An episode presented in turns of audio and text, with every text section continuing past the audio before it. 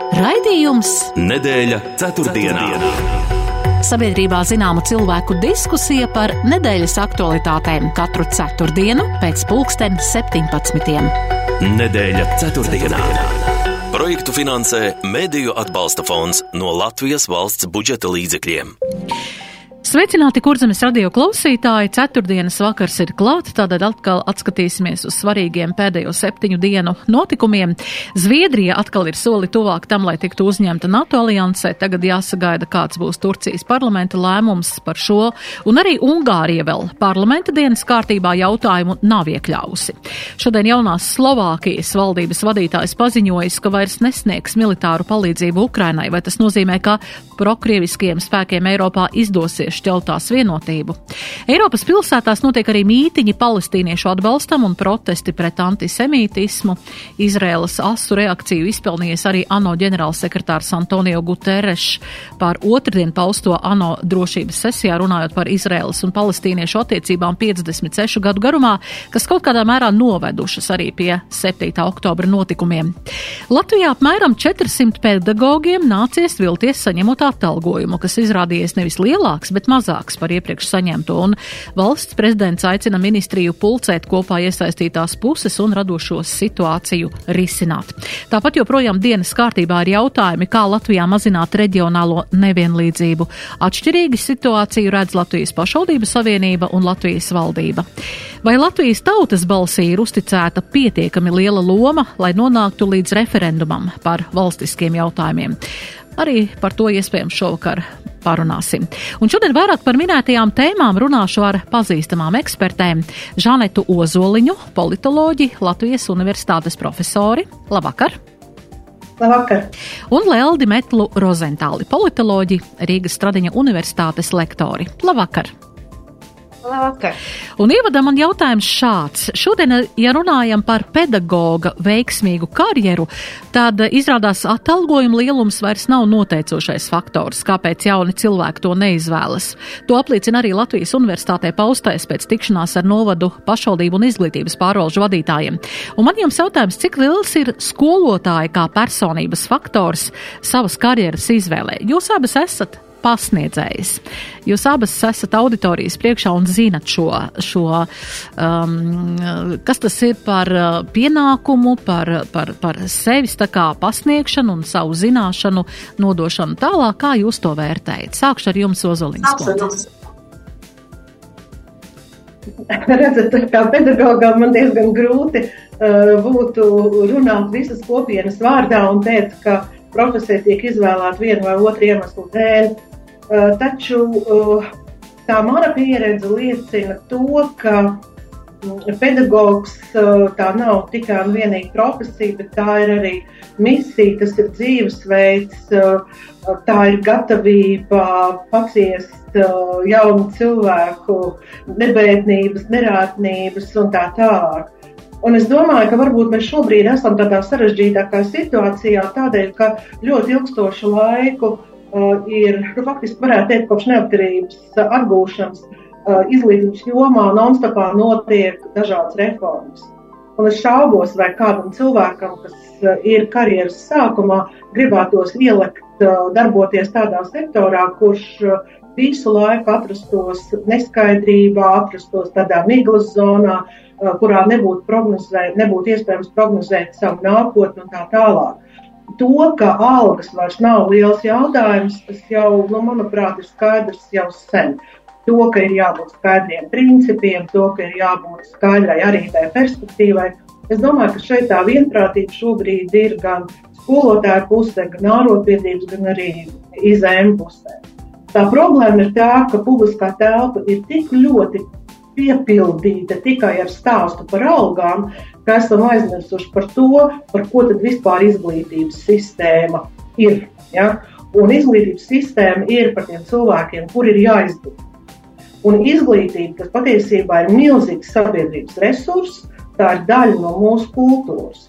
Un ja mēs nemainīsim šo diskursu publiskajā telpā no algām uz zināšanām, zināšanu kvalitāti, zināšanu pielietošanu, mēs turpināsim grint ar vien lielākā un lielākā bedrē.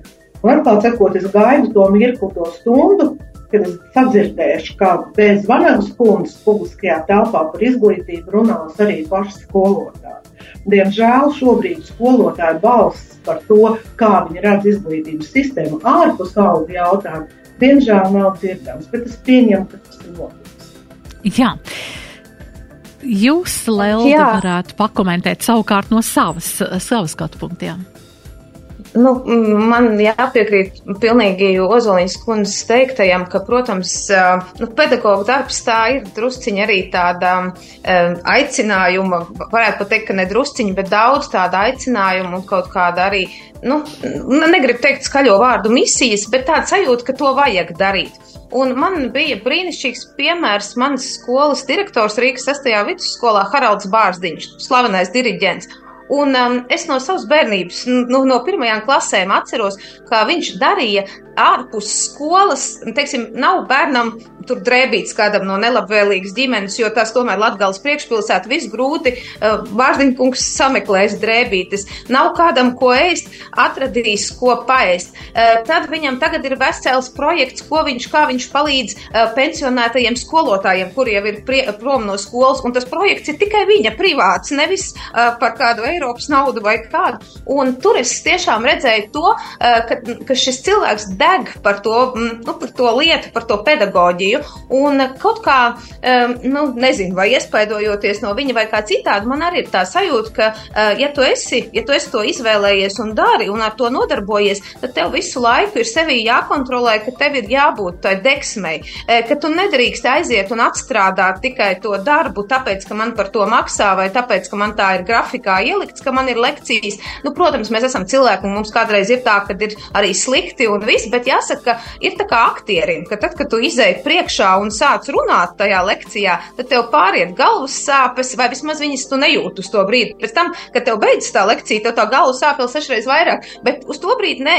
Un uh, ir forši tā sajūta, ka tu vari mobilizēt auditoriju, ka nevis tu jūti, ka viņi tūlīt iesnaudīsies visi tur tādā uh, letarģiskā miegā, bet gan, ka viņi spēja nu, sekot līdz tam, ko tu stāsti. Un tas ir arī tāds um, nu, adrenalīns vai kaut kāds tāds uh, iekšējs gandarījums, ka tu spēj noturēt. Tas, tas viena aktieru teātris. Tāpēc es domāju, ka nu, jābūt prasīgam pedagogam pret sevi, lai viņš var to uzturēt. Bet, protams, ka šobrīd mums dažkārt liekas, ka uh, ir tāds, vieg, gribas tāds viegls profesijas, nu, kaut kāds influenceris ceļo pa pasauli, sēdi tropos. Šeit ir darbs, nu, tā kā no rīta līdz vakaram visu laiku jāstrādā, nav neviens nesola vieglu dzīvi, visu laiku vēl kritizē un tā tālāk. Un tāpēc varbūt drusciņi jaunai paudzei liekas, ka, nu, bet varbūt man gribas kaut kādu vieglāku darbu, ne tādu. Bet es domāju, ka pedagoģa darba prestižs atgriezīsies, un es uz, es uz to ceru. Un es domāju, ka ir gana daudz arī skolās jaunu, lielisku pedagoģu, um, iedvesmas pilnu. Tāpēc uh, nu, tas, es domāju, ir tāds vienkārši mirklis, uh, kas jāpārdzīvo un kas, kas pavērsīsies pozitīvā gultnē. Jā, šis te Latvijas universitātē, universitātē paustais uh, uh, attiecās tieši uz to, uh, kas skar tieši vispārējo video izglītību un, un šo te audzēkņu izglītošanā, kad ir tas Grūtākais ir tas, ka ir nepietiekams atbalsta personāls uh, skolās, lai īstenot šo iekļaujošo izglītību, tāpat arī līdzsvars starp vecāku un skolēnu pienākumiem un tiesībām, kā arī dažādu materiālu, metodisko materiālu un atbalsta trūkums skolotājiem, jo es domāju, students, nu, viņš jau ir izvēlējies to savu, to savu jomu, ko studēt, bet šī te vispār izglītojošā izglītība, kas ir visi pusauģu gadi, visi šis te uh, vecuma posms, kas pats par sevi jau ir tāds, uh, ka skolēns pats nesaprot, kas īsti ar viņu notiek, un tad vēl viss šis te. Es domāju, ka tas ir pedagogam, tas šobrīd ir tas, tas šķērslis, ka iespējams, nu, nav padomāts arī par šo pašu atbalsta personālu. Man ir nācies dzirdēt, ka skolotājiem var, nu, viens skolēns klasē pilnīgi izjaukt visu mācību stundu, jo viņš ir, viņam ir iekļaujošās izglītības šis te variants, un ka tas arī ir nogurdinoši Jo es esmu satikusies ar skolotājiem un, un daudz runājusi par to, ka viņi mīl savu profesiju, bet tieši nogurdinošais ir tas, ka viņiem pietrūkst kaut kādu resursu, lai varētu šo kvalitatīvo darbu veikt ar šiem skolēniem. Par to ir stāsts varbūt, kad. Uh, jādomā par to ir ministrijas līmenī. Man ir tāda bijusi saskare uh, tieši pamatskolas un vidusskolas līmenī arī ar Francijas izglītības sistēmu. Un jāsaka, ka uh, viņiem ir stingrāka disciplīna un uh, vairāk skolotājiem ir tiesības bērnu Mm, iegrožot rāmjos.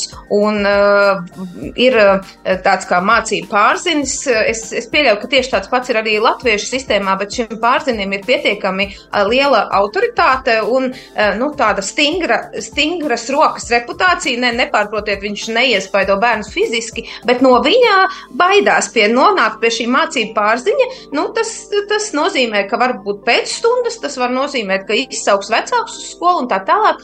Un, uh, Varbūt, ka nu, mēs šajā demokrātijas ceļā esam nedaudz tos skolotājus nolikuši tādā patiešām neapskaužamā situācijā, e, ka tad, kad tas bērns vienkārši viņam kāpj uz galvas, tad viņam nav līdz galam, es, protams, neesmu pedagogs un es nevaru to apgalvot, vai tā tas patiešām ir, bet arī no tā, nu, teiksim, ko man stāsta, man liekas, jā, ka varbūt Latvijas izglītības sistēmā šobrīd mēs esam pārāk daudz um, mm, atļaujam, nu, visās situācijās skolotājiem ir jāspēj kā burvim tikt ar to galā, pat tad, ja tas bērns absolūti nav uh, nespēja iekļauties nekādā kolektīvā. Un ka šeit tomēr būtu jābūt tādai, nu, kaut kādai stingrākai kārtībai un skolotāju tiesībām, teiksim, ja tu stundu sabotē, nu, tad, tad tu tiec izsūtīts ārā un ir zinām kārtība, kur tu tad dodies un kas ar tevi tālāk notiek, bet nevar būt situācija, Patiešām arī es esmu caur draugiem dzirdējusi par stāstu, ka bērni pat maina skolu tikai tāpēc, ka uh, esošajā klasē ir kāds bērns, kurš regulāri dezorganizē stundas, un faktiski tie bērni, kas grib mācīties, to nevar izdarīt, tāpēc, ka skolotājiem īsti nav tiesības ar šo dezorganizējošo bērnu kaut kā tālāk rīkoties. Jā, nu, acīm redzot, tā, tā ir problēma. Es esmu par nedaudz lielāku stingrību, man patīk kārtība, un man patīk, ka bērni respektē skolu skolotājus un uh, uzrunā viņus tur franču sistēmā par madamu un misie, un neviens tur, uh, nu, bišķiņ trīc tā sirsniņa, un skolotājs ir autoritāte. Jā, Ozolins kundze, vai varat kaut ko piebilst vēl pie šī? Jā, tad, kad jūs uh, minējāt atbalsta sistēmu un atbalsta personālu, uh, tad es domāju sākotnēji, ka iespējams pašam skolotājiem ir vajadzīga tas atbalsta sistēma un atbalsta personāls, jo tādēļ, ka tā atbildība un tās ārkārtīgi smagās izglītības programmas, kas šobrīd ir uzliktas uz vidusskolas skolotāju pleciem, uh, ir uh, vienkārši neaptveramas. Un uh, tik tiešām ir ļoti grūti īsā laika periodā no tam pašam vēstures skolotājiem, kas iepriekš ir mācījis vēsturi un politiku, tagad sākt mācīt arī juridiskās zināšanas, mācīt ekonomikas, dzīves aspektus un tā tālāk. Ja? Faktiski es domāju, ka šobrīd um, vidusskola jo īpaši ir kļuvusi tik sarežģīta ne tikai bērnam, bet arī skolotājiem, ka var kaklu nolaust un, un ir jābrīnās, kā vispār skolotājiem pietiek drosmes, uzņēmības un, un, un arī vēlmes paši izglītoties, lai šajos sarežģītajos apstākļos varētu kaut kā iztūrēt cauri šiem ārkārtīgi sarežģītajiem dažādiem uh, koridoriem, kanāliem un tā tālāk. Un es pilnīgi piekrītu, ja, ka uh, skolai ir jābūt vietai, kur gan bērns, gan skolotājs jūtas labi, droši. Uh, faktiski tiek iedvesmots uh, radošumam un tā tālāk. Bet jebkurai brīvībai ir savs robežas. Un tās robežas, principā, jāzina ikvienam, ja? gan skolēnam, gan skolotājam, gan arī vecākam. Un te nu mēs nonākam pie tā, ka varbūt zanoties pēc kārtējās reformas, mēs aizmirstam to, kas skolā ir tas centrālais. Ja? Un, ja izdotos izveidot nevis ideālu izglītības programmu, bet ideālu sadarbības modeli, tad es domāju, ka atrastos ļoti daudz risinājumu šobrīd sarežģītiem jautājumiem. Jā, un atgrieztos arī skolotāja profesijas prestižs. Es domāju, ja skolotājiem būtu pietiekami šie ietekmes līdzekļi atvēlēti, ar ko ietekmēt arī viņa disciplīnu, ietekmēt arī viņa tādu uzvedību un ielikt rāmjos, kā Leldi jau minēja, tad es domāju, daudz kas mainītos arī skolas iekšējā vidē un, un, un citur mūsu sabiedrībā kopumā. Mums tagad ir maz reklāmas pauzīt, un pēc tam mēs turpināsim.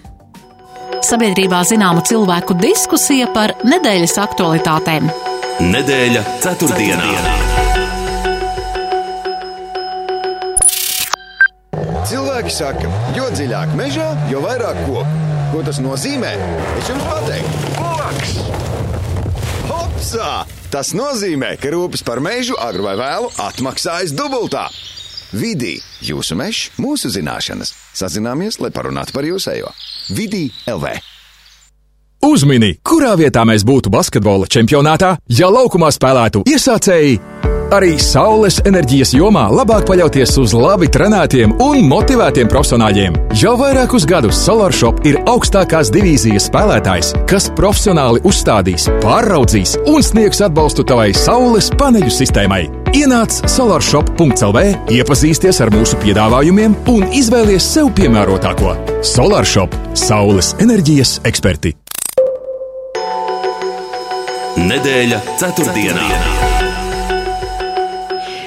Turpinām raidījumu. Šodien raidījumu viešņas Žaneta Ozoliņa un Lelde Metla Rozentāle. Runājām jau par izglītības sistēmu un par skolotāju mm, šīs profesijas prestižu, bet nu pāriesim pie cita temata un gribās iesākt ar šodien tādu svaigāko informāciju, kas man šķiet arī uh, sabiedrībā būtu labi to skaidrot, ko tas tagad nozīmē, jo uh, mēs zinām, ka tuvojās vairākām valstīm šīs te parlamentu pārvēlēšanas un, un uz to vairāk eksperti arī vērš uzmanību, ka mēs nezinām, kā var veidoties šīs te iekšējās politikas valstīs, gan Eiropas valstīs, valstīs, gan arī ASV ir vēlēšana priekšvakarā.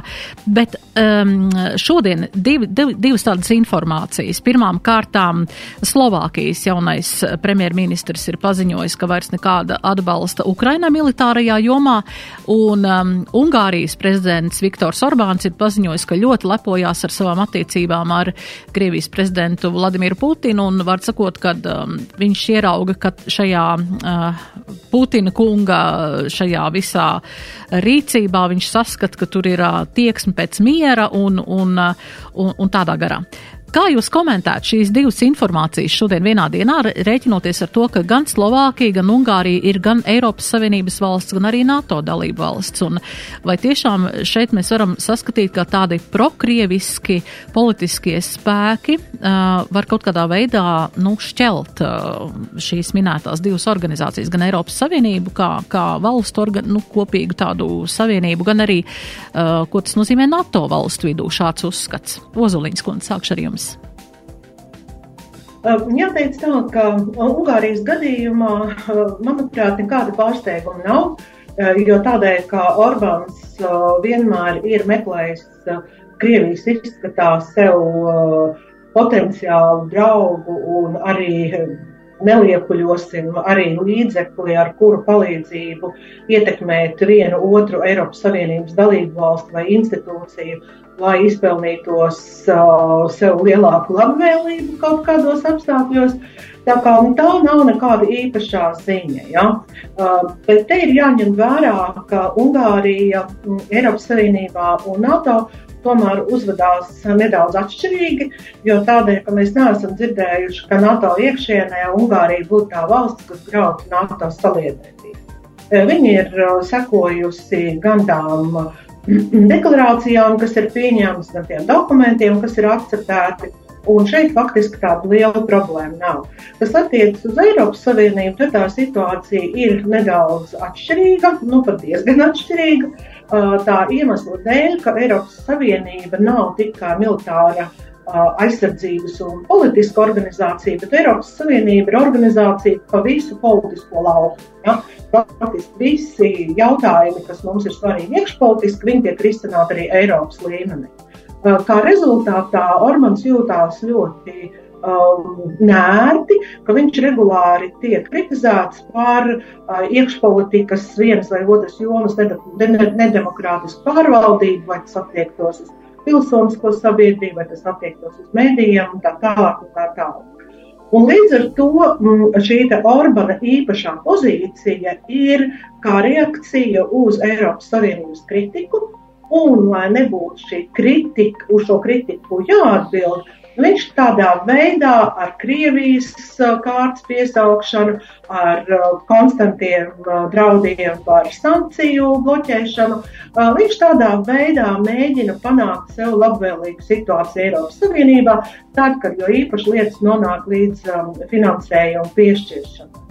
Savukārt, kas attiecas uz Slovākiju, tad tur šī situācija arī ir nedaudz atšķirīga, jo faktiski mēs runājām par tikko ievēlētu politisku partiju un politisku līderi, uh, kurš uzreiz pēc vēlēšanām nevar par 180 grādiem mainīt savu uh, politisko retoriku. Un to, ka viņš ir pro-kremlisks, pro-maskavists, nu, tur, tas nevienam arī neizraisa nekādu šaubu. Bet viņa retorika arī ir samērā piesardzīga, jo no vienas puses viņš saka, nē, no nu, ieročus nepiegādāsim, bet turpināsim dažādu veidu atbalstu atbalstu Ukrainai viņas sarežģītajā situācijā. Kā faktiski, ja, nu, te ir tāda spēlēšanās gan ar vienu, gan ar otru, gan ar trešo. Bet atšķirībā no Ungārijas, kur Orbanam sabiedrība regulāri piešķīra mandātu viņa valdīšanas laikam, tad tomēr Slovākijā tās politisko partiju un arī valdību koalīciju nomaiņas ir diezgan regulāras. Tā rezultātā faktiski mēs nevaram tā iedomāties, ka tagad kā šodien, tā būs arī pēc gada, diviem, trim vai četriem. Bet tas, ko jūs pieminējāt par vēlēšanām, nu jā, protams, vēlēšanas ASV būs svarīgas, bet mums tā priekšā ļoti būtiskas vēlēšanas 8. jūnijā Latvijā un no 6. līdz 9. Eiropā. Tās ir Eiropas parlamenta vēlēšanas. Un, ja mēs gribam tā kārtīgi redzēt to uh, uh, to termometru Eiropā attiecībā uz, uz politisko partiju un ideoloģiju izkārtojumu, tad šis kā reiz būs tas ļoti būtiskais pārbaudas moments, par ko cilvēku balsos. Ja? Un tad jau man šķiet, mums varētu izveidoties diezgan interesants sarunas. Jā, nu ko, gaidīsim šo interesanto sarunu. Lelda, vai jums ir kaut kas piebilstams šajā, te, šīm te divām ziņām par Ungārijas un, un Slovākijas šo izteikumiem? Nu jā, pavisam īsi jāsaka, ka tās jau, protams, ir abas divas arī, nu tātad PS, bijušajā PSRS ietekmes zonā bijušas valstis. Līdz ar to skaidrs, ka līdzīgi kā mums Latvijā, kurā ir nu, cilvēki ar teiksim, simpātijām pret Krieviju un procesiem Krievijā, līdzīgi tā tas ir arī šajās te divās pieminētajās valstīs. Un, protams, ka nu, politiskie spēki izmanto dažādus metodus un instrumentus, lai celtu savus reitingus un popularitāti lokāli, jeb valstī iekšā.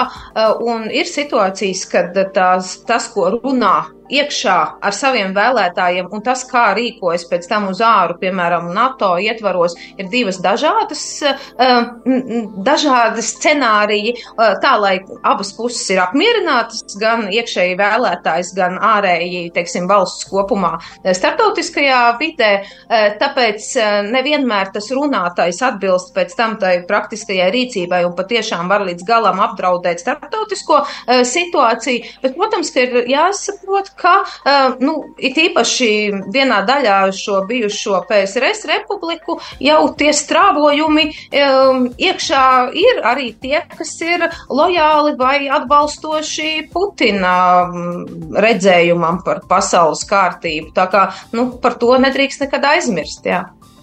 Jā, vēl runājot par ārpolitiku, ir arī šis te Zviedrijas šis te solīts tuvāk atkal iestāšanai, lai varētu iestāties NATO aliansē. Turcijas parlaments vēl mēs gaidām kāda notiks šī protokola ratificēšana, eh, vai tā notiks, jo arī Turcijā ir eh, politiskie spēki parlamentā, kas tomēr izsakās asi par šo un, un eh, neatbalstoši. Kā jūs redzat šo scenāriju, cik tas ilgi varētu būt, un arī Ungārija vēl nav pateikusi savu jāvārdu šim? Leldi, jūs varētu turpināt, jā. Uh, Jā, nu, jāsaka, ka eksperti jau ir komentējuši, ka tas solīts varētu nemaz neizskatīties tik liels, kā sākotnēji varētu varbūt kādam šķist, jo tas ratifikācijas process var ievilkties ļoti garš, un tas, ka viņš ir um, uzsākts, tas nenozīmē, ka viņš tādā pavisam žiperīgā veidā varētu arī noslēgties. Un uh, ir pat uh, prognozes, viena saka, ka tas varētu būt šī gada laikā laikā tomēr varbūt uh, tas ratifikācijas process notikt. Uh, citi, citi saka un prognozē, ka varbūt pat, pat šis gads paies un, un nekā tā īpaša situācija nemainīsies. Tāpēc nu, to, ir, to ir ļoti grūti paredzēt, jo tās jau ir tādas lielas politiskās spēles, kas no vienas puses ir varbūt kaut kādā mērā ideoloģiskas, respektīvi Turcijas pasaules redzējums un islams atšķirībā no Zviedrijas uzskatiem, bet mēs jau arī vakar pavisam atklāti jau dzirdējām publiskajā telpā, ka tā ir iespējams arī tirgošanās, piemēram, par ieročiem, ko Turcija vēlas, vai nu, bruņojumu, ko vēlas saņemt no Amerikas, un ka tās ir iespējams arī pilnīgi tādas pragmātiskas politiskas spēles, kuras uh, tiek realizētas un kurās nu, Turcija grib iegūt sev maksimāli kaut kādu izdevīgumu no visa šī procesa. Bet, protams, ka paralēli jau arī nu, visi tie procesi, kaut vai šī cilvēku um, Zviedrijas pilsoņu noslepkavošana Beļģijā, vai kaut vai mm, tā pati mm, situācija, ar kur mēs pēdējās divas dienas dzirdam Stradiņu universitātē, kur ir sadursmes starp studentiem no Izraels un no Palestīnas.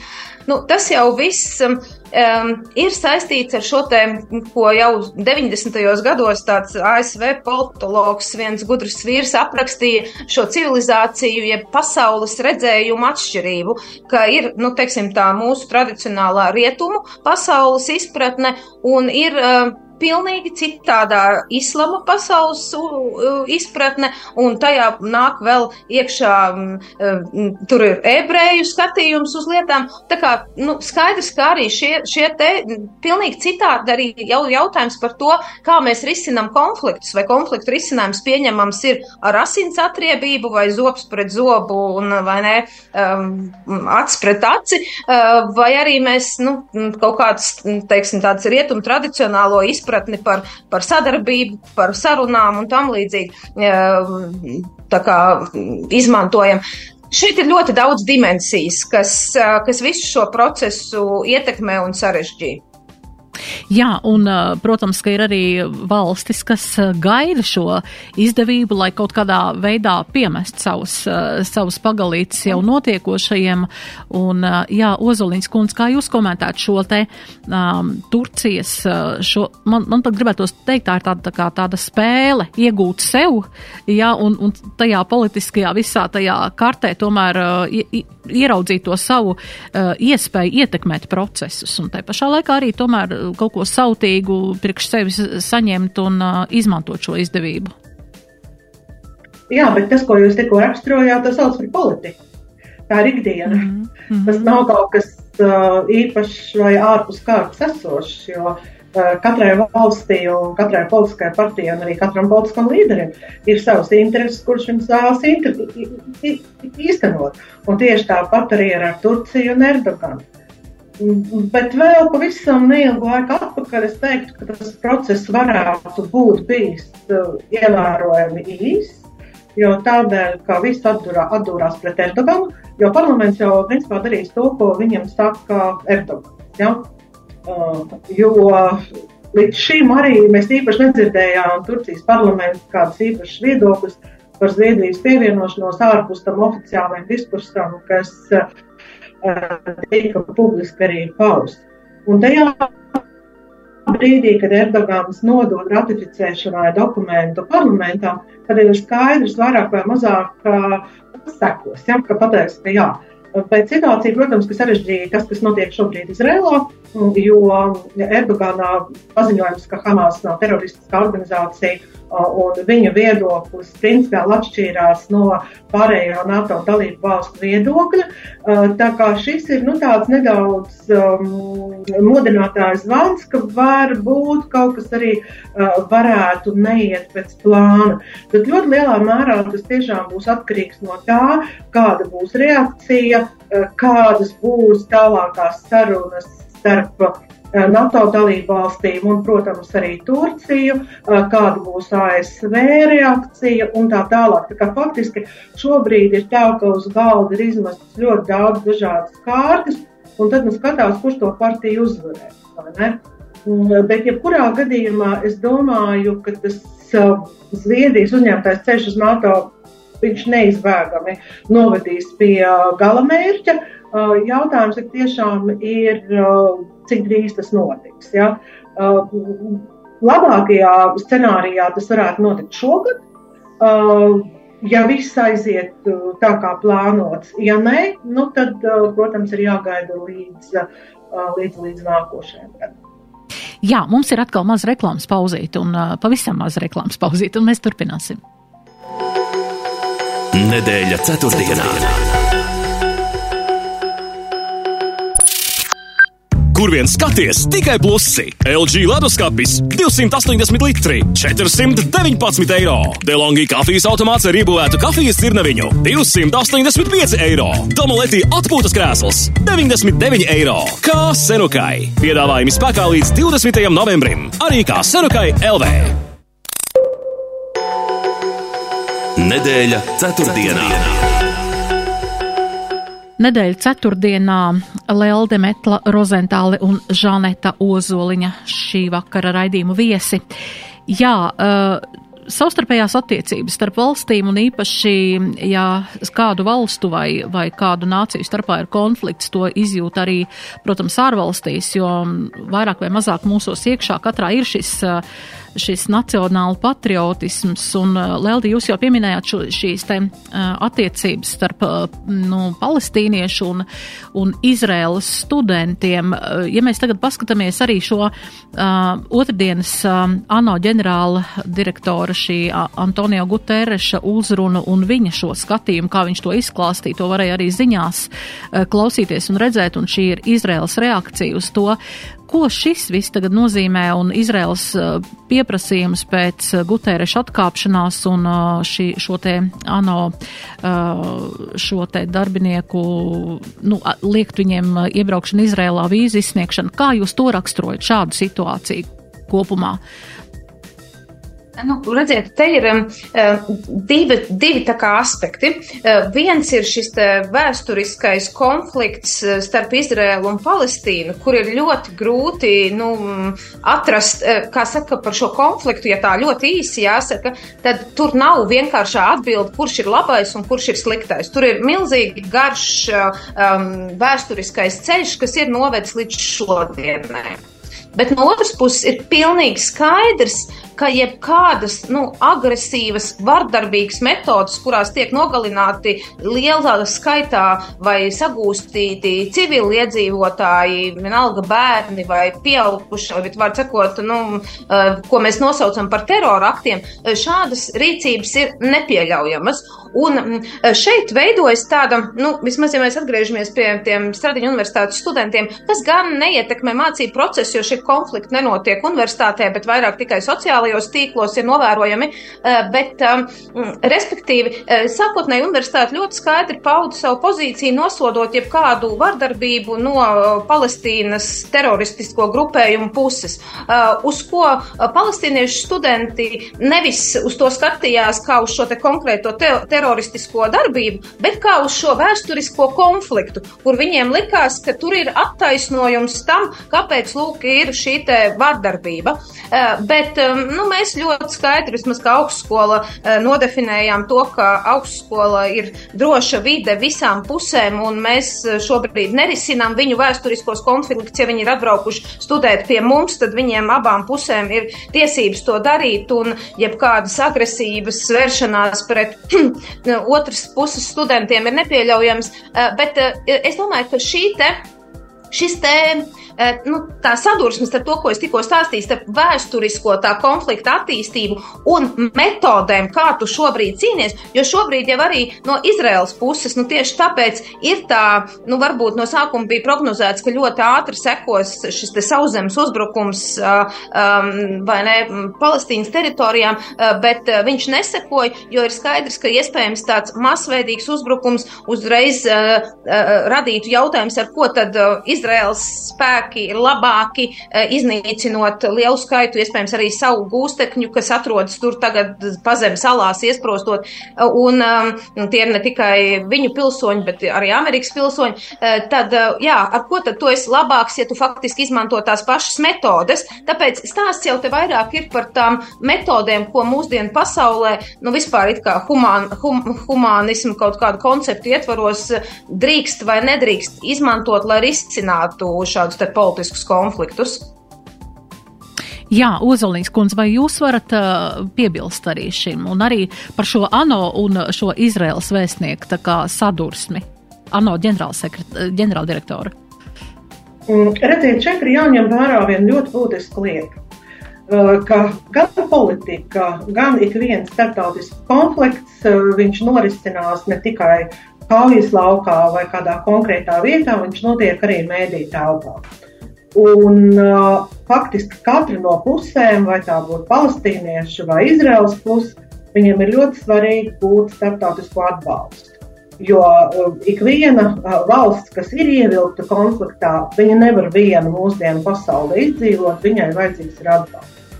Un tādēļ uh, viena var būt no konteksta izvilkta frāze vai kāds neuzmanīgi pateikts vārds viņš var pārvērsties par mēdīju kampaņas un arī politiskas kampaņas ļoti būtisku sastāvdaļu. Un tādēļ bieži vien, piemēram, konfliktu risināšanā tās nopietnās sarunas vispār notiek nevienam nezināmā vietā, um, pusēm nodaloties, vispār nekomunicējot savā starpā, lai nenotiktu nekāda neveikla, ne darbība, ne kustība, ne izteikts kāds neveikls vārds. Un tā kā šobrīd konflikts ir ļoti eskalējies un viņš ir ļoti augstā vardarbības pielietošanas pakāpē, tad arī katra puse tieši tikpat intensīvi arī meklē šo starptautisko atbalstu, grib dabūt savā pusē līdzjutējus. Ja? Un, diemžēl, nu, arī Rīgas Tradiņu universitāte ja, vai, vai, vai kaut vai tā pati Brisele ar, ar Briseles ierēģņu piedalīšanos atbalsta akcija. Faktiski tā pat nebija atbalsta akcija palestīniešiem. Tā bija faktiski akcija par to, lai tiktu pielietoti starptautiski līdzekļi šī konflikta risināšanā. Ļoti veikli tika pārvirpināta ar dažādu jau faktiski iepriekš zināmu spēku palīdzību par palestīniešu demonstrācijā. Ja? Tā kā faktiski ir jābūt ārkārtīgi uzmanīgiem, gan analizējot, gan vērtējot, jo jūs nezināt, kā šis komentārs var tikt izmantots vienā vai otrā ziņā. Jā. Nu, jācer, jācer, ka tomēr tā rietumu domāšana tomēr būs pierādījis sev ar to, ar sarunām, ar sadarbību, ko jau mēs runājām, ka tas tomēr nu, būs pārāks parā, parādīsies par spēku pielietošanu un, un visu šo, ka kompromisu tādā veidā varētu atrisināt ar kompromisu palīdzību šo konfliktu. Jā, vēl mums jā, ir. Bet interesanti jā. Ir tas, ka vēsturiski, nu, tagad diezgan daudz to pētot dažādiem, nevienai no šīm pusēm, ne Palestīnai, ne Izrēlai, nav raksturīga, teiksim, šī te rietumu domāšana par to, kā risina konflikts. Viņi abi vairāk saprot šo te, vieniem tā ir asins atriebība, vieniem tas ir jā, zobs pret zobu, tur vai ne, vaigs pret vaigu, ka tā ir šī te fizis, nu, tāda fiziskā spēka cīņa, un, nu, ja tu man, tad es tev nekā citādāk tur to nevaru nolīdzināt gandrīz. Un līdz ar to tas, protams, ka um, ir diezgan grūti saprast, kā viņas šīs abas puses, kas tā redz pasauli, nu, mm, pārliecināt, ka uz to vajag skatīties kaut kā citādāk. Jā, tādas īsti tādas uh, civilizāciju cīņas sanāk. Mēs iepriekšējā raidījumā mums bijām uh, viesi, kas, ka mēs tieši runājam par šo civilizācijas, šo, šo mm. ietekmes, šo, šo pārgrozīšanos, kas notiek šobrīd pasaulē, mm. ko mēs šobrīd vērojam, esam tādā procesā. Jā, mums ir palikuši apmēram 5 minūtītes līdz raidījuma beigām, un es gribēju jums pavaicāt, jā, atgriezties pie procesiem Latvijā, un uh, šobrīd arī tiek risināts sarunas par budžeta jautājumiem un vispārējo un spraigas sarunas ir starp valdībā, valdību un pašvaldībām, pašvaldību organizācija Latvijas pašvaldību savienību, un um, š, notiek šis uh, jautājuma risināšana par vienlīdzīgu reģionu attīstību un tieši uh, mazināt šo, šīs atšķirības starp uh, pašvaldībām, cik varbūt kāda ir turīgāka vai mazāk turīga, lai varētu piedāvāt pakalpojumus saviem iedzīvotājiem vietējās pašvaldībās. Kā jūs šobrīd redzat, um, ir, ir dažādi šie izaicinājumi dažādām pašvaldībām, un mēs zinām, ka arī pašvaldības ievēl vietējās kopienas, vietējie iedzīvotāji savu, savu pašvaldību deputātus, uh, bet tomēr mēs redzam, ka nu, ir tāda nevienlīdzība, kā attīstās šie novadi un attīstās uh, un ir pieejami šie pakalpojumi dažādās pašvaldībās.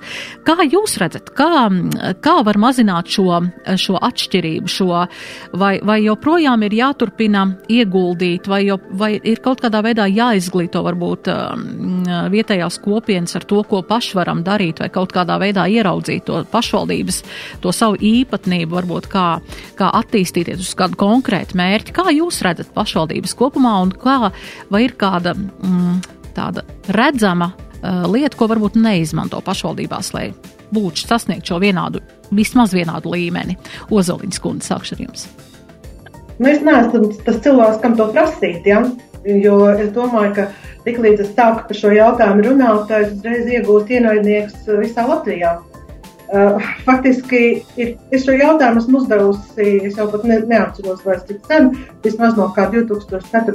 gada, uh, tad, kad uz Eiropas kartes Latvija parādījās kā viens reģions. Ja? Un, un, un šeit ir tas stāsts, nu tā mana atbilde uz jūsu jautājumu. Kā, lai mēs iegūtu plaukstošu, un labklājību un drošu Latviju, mums ir jāatbild uz trim lietām, jau uz trim jautājumiem. Tas pirmais jautājums ir, ka pašām pašvaldībām, kopienām ir skaidri jāredz, kādas viņas grib būt.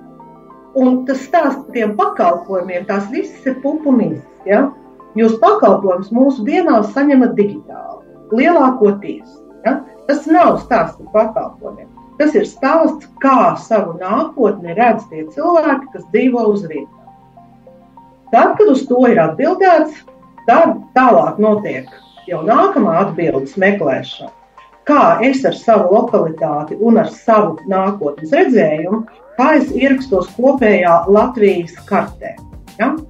Un atkal tas nav stāsts par pakalpojumiem. Tas ir stāsts, kā kopienas izmantojot savu potenciālu šodien un rīt, dara lietas kopā ar citām pašvaldībām un ar uh, centrālo valdības redzējumu. Ja?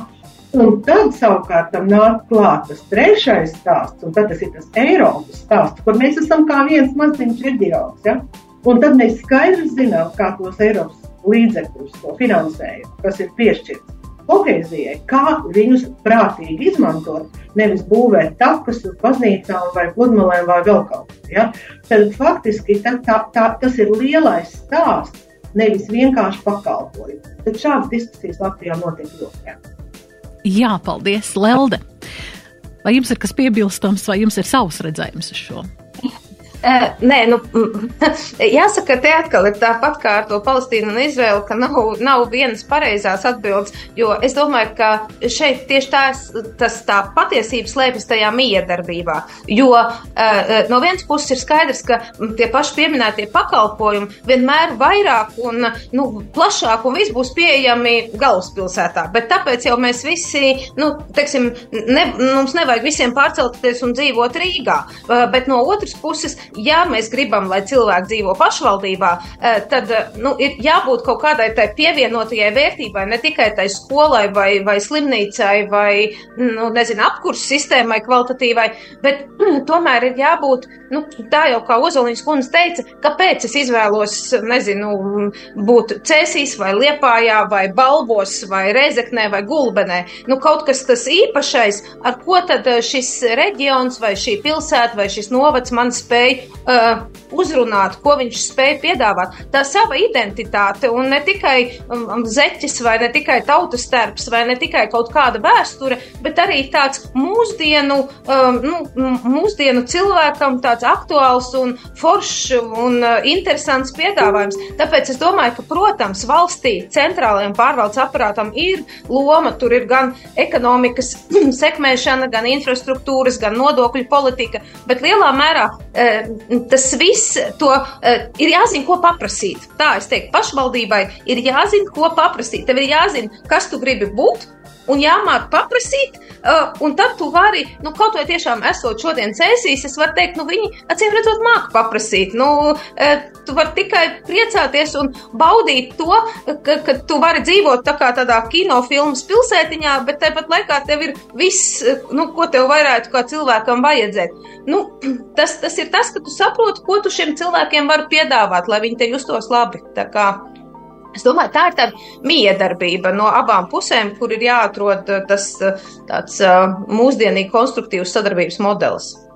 Jā, bet vairāk vai mazāk tas tomēr ir pašvaldības uzdevums, ievēlēto deputātu uzdevums, jo tas vēlētājs ir devis savu mandātu, lai mūsu novads būtu tādā līmenī, ja, lai mēs varam šeit labi dzīvot, labi justies un būtu gan darba vietas, gan arī viss pārējais.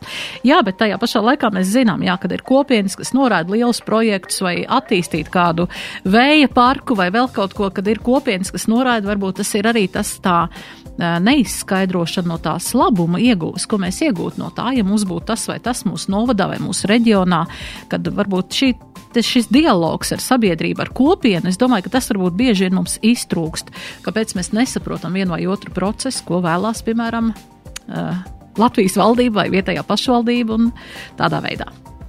Man jums Protams, ka noteikti grūtāk ir pierobežai un, teiksim, tādām tālajiem Latvijas mazajiem novadiem, it īpaši Latgales reģionā, kur noteikti tagad, ja, ja kāds mūs klausītos, teiktu, nu, mēs te, jums ir viegli runāt, jā, par, par lielajām pilsētām vai, vai tādiem uh, bagātajiem novadiem, bet mēs tur tālu pie robežas, ko tad mēs varam piedāvāt, kas mums te var būt tas mūsu, uh, tā mūsu konkurēt spējīgā priekšrocība. Nu, nenoliedzam, acīm redzot, ka šeit ir tā īpašā reģiona status, kur arī valsts iet vairāk palīgā, jo noteikti tur tās iespējas pašvaldībai ir ierobežotākas, un tas, protams, arī ir jāatzīst.